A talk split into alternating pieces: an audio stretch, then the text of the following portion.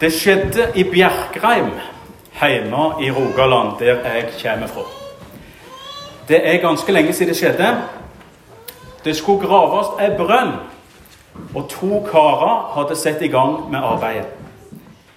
Da de var kommet djupt ned, og de var godt som ferdige med arbeidet, så raste brønngropa sammen over hodet på dem. Folk kom heldigvis raskt til for å hjelpe. Men arbeidet ble så vanskelig og så langdrygt at de etter hvert tenkte at dette var forfengt. Ikke hørte de noen livstegn ifra de nede i gropa heller. Så oppgitt og forskremte sendte de bud etter predikanten som bodde på gården i nærheten. Han måtte komme ned for å holde andakt over de to i brønngropa. Predikanten han kom raskt til og skulle akkurat til å begynne på andakten. Men akkurat da hørte de fra brønngropa. Slutt å be! Putle og grav! Ja, sånn kan det gå. I dag handler det om bønn. Og ofte så har vi kanskje en tendens til å sette disse to tingene opp mot hverandre. Bønn og arbeid. Som om bønn og arbeid var motsetninger. At, den, at det ene var viktigere enn det andre. Og at det ikke skulle gå an å ha to tanker i hodet samtidig som kristne mennesker. Vel, det er kanskje vanskelig for mannfolk å ha to tanker i hodet på en gang, men det er ikke det vi skal snakke om nå. I den kristne trua så er det ikke slik at bønn og arbeid skal settes opp mot hverandre. Til alle tider har kristne munker og nonner hatt nettopp bønn og arbeid som sitt motto. Hans Nilsen Hauge, som jubilerte i fjor, han har stått for det samme. Bønn og arbeid, begge deler må med. Den kristne trua handler ikke bare om det åndelige. Det handler også om det vi kan ta og føle på. Den kristne trua er paradoksalt nok jordnær. Gud blei menneske. Han blei ikke værende i sin høye himmel. Til det var du og jeg, Mari, Andrea og Walter, altfor viktige. I dagens preiketekst forteller Jesus oss noe viktig om bønn. Og han forteller oss samtidig noe veldig viktig om Gud. Teksten vår den er en del av den lengste talen eller den lengste preika eller den lengste undervisninga som Jesus holdt.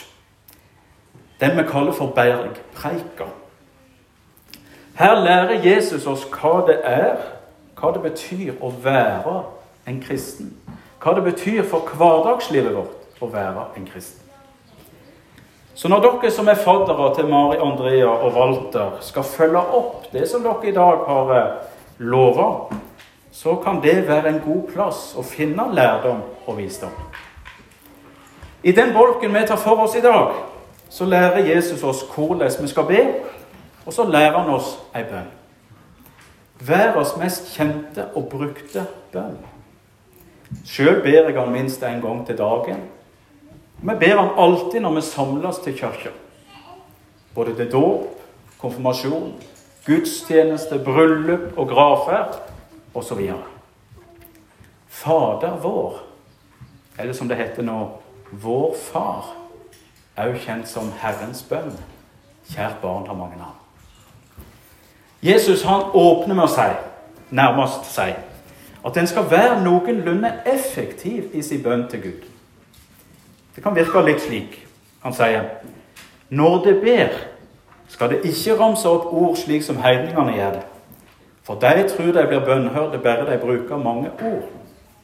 Gjør ikke som de. Far dykker veit hva det trenger, før det ber han om det. Det kan virke som et paradoks når vi da kommer til gudstjeneste og hører bønn etter bønn.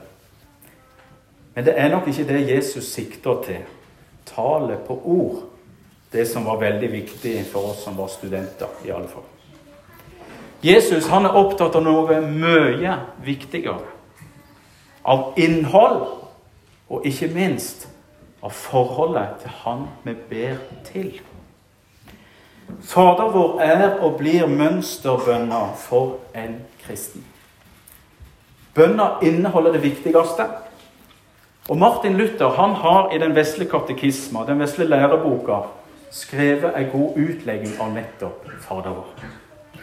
Her peker han på at Fader vår inneholder mye mer enn den ved første øyekast ser ut til å inneholde. Bønner består av sju bønner, som igjen består av så mye mer. For eksempel så handler bønna 'Gi oss i dag vårt daglige brød' om noe mer enn fin eller grov skjeva. Luther har gitt oss god innsikt i hva dette kan bety. Han skriver i sin katekisme. Hva er meint med daglig brød? Og så svarer han seg sjøl. Alt vi trenger til å leve, såsom mat og drikke, klær og sko, hus og heim, åker og fe, penger og eiendom, en god ektefelle og gode barn, gode arbeidere og ledere, fred og godt styre, godt vær og god helse, gode seder og skikker, gode venner og naboer og mer slikt. Det er innholdsrikt.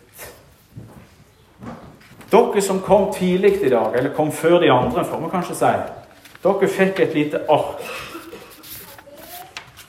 som ser sånn ut. Dere ser det ikke, men eh, noen av dere fikk det, og det er Luthers forklaring til Faderord. Det blir deres heimelekse, dere som har fått det. Kan dere se hva rikdom det er i det å be Fader vår? Vi kan få be om noe mer uten at vi trenger å ramse opp alle ordene. Bønna Fader vår rommer noe enormt. Poenget er ikke Eller poenget er at vi trenger ikke å liste opp og liste opp for Gud det vi trenger, og det vi ønsker. Far deres veit hva det trenger, før det ber han om det, sier Jesus i dag. Men vi skal likevel be. Jesus sier nettopp det. Slik skal det be. Det betyr ikke at vi må bruke de ordene, men det gir oss en god retning. Og for oss mennesker så kan det være godt å ha en bønn som vi kan ty til når det trengs. For bønn, det er noe mye mer enn bare å be om noe. Be om at jeg skal få det slik eller slik. Bønn går dypere enn som så. Bønn handler om noe viktig, noe enormt viktig nemlig relasjonen til Gud.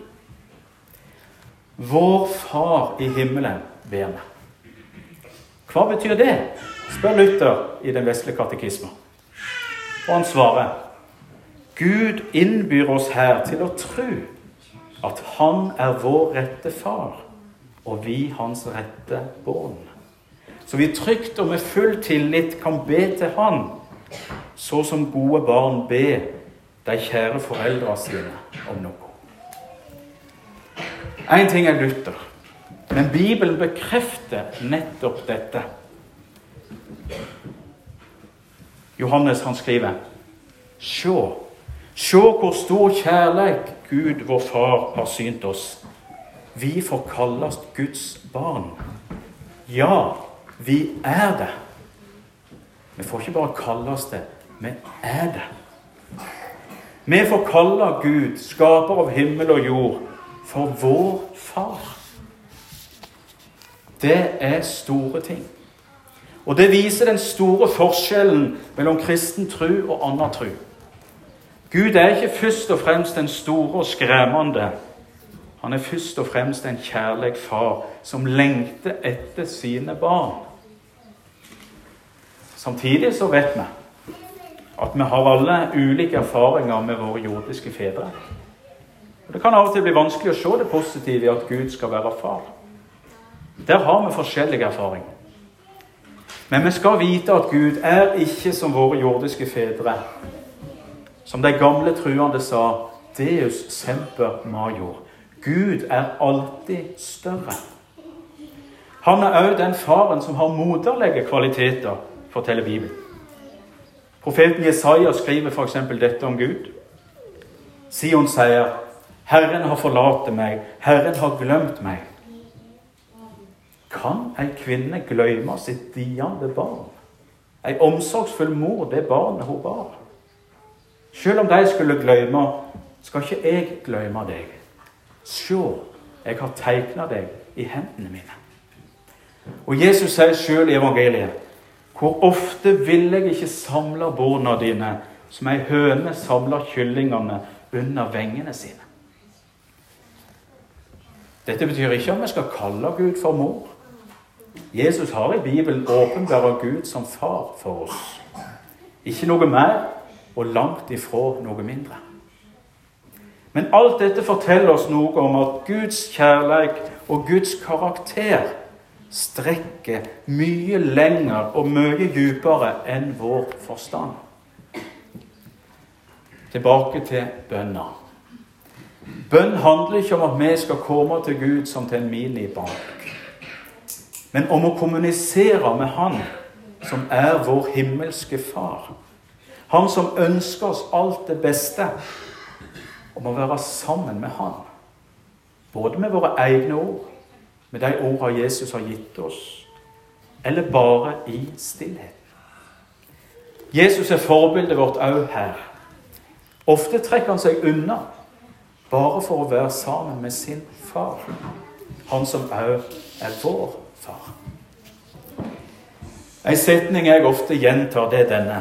Den kristne trua handler ikke om prestasjon, men om relasjon. Slik er det òg med bønn. Det handler ikke om å be slik eller slik, eller så ofte eller så lite, eller om hva vi ber om.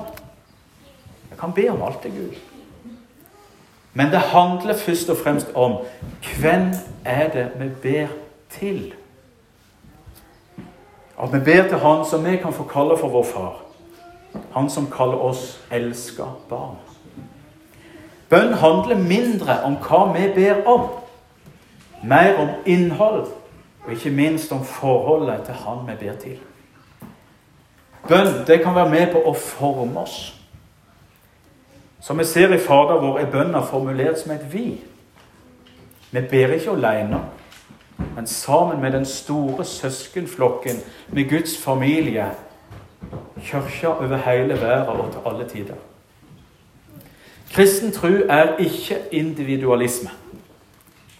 Derfor vil du nok aldri få den Ferrarien du ber Gud om. Synd trist leit. Bønna Jesus lærer oss, er forma på uselvisk vis. Den er et middel mot egoisme. Den ber for oss og for andre. Og slik kan bønna være med å forme tankene våre om hva som er den rette prioriteringa hvis dere har møtt et bedende menneske noen gang Jeg bodde i lag med noen diakonisser på Haraldsplass i Bergen. Du kunne merke at de ba. De levde i det de ba. Det gjør inntrykk. Handling og bønn må bli ett, heter det i en salme som vi egentlig skulle ha sunget i dag, men jeg kom på det litt for seint. Bønna den vil være med å forme oss, så vi sjøl kan bli bønnesvar og Guds hjelpere på jorda. De gamle munkene og nonnene, diakonistene og Hans Nilsen Hauge lærer oss at bønn og arbeid hører i lag. De er ikke motsetninger. Derfor skal vi ikke si som de to i brønngropa hjemme i Rogaland slutt å be, putle og grav. Vi skal si noe annet. Vi skal si be og grav.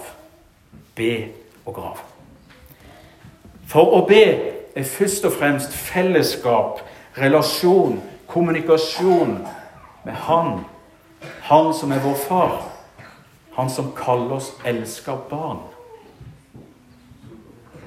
I dag er Mari Andrea og Walter blitt døpt.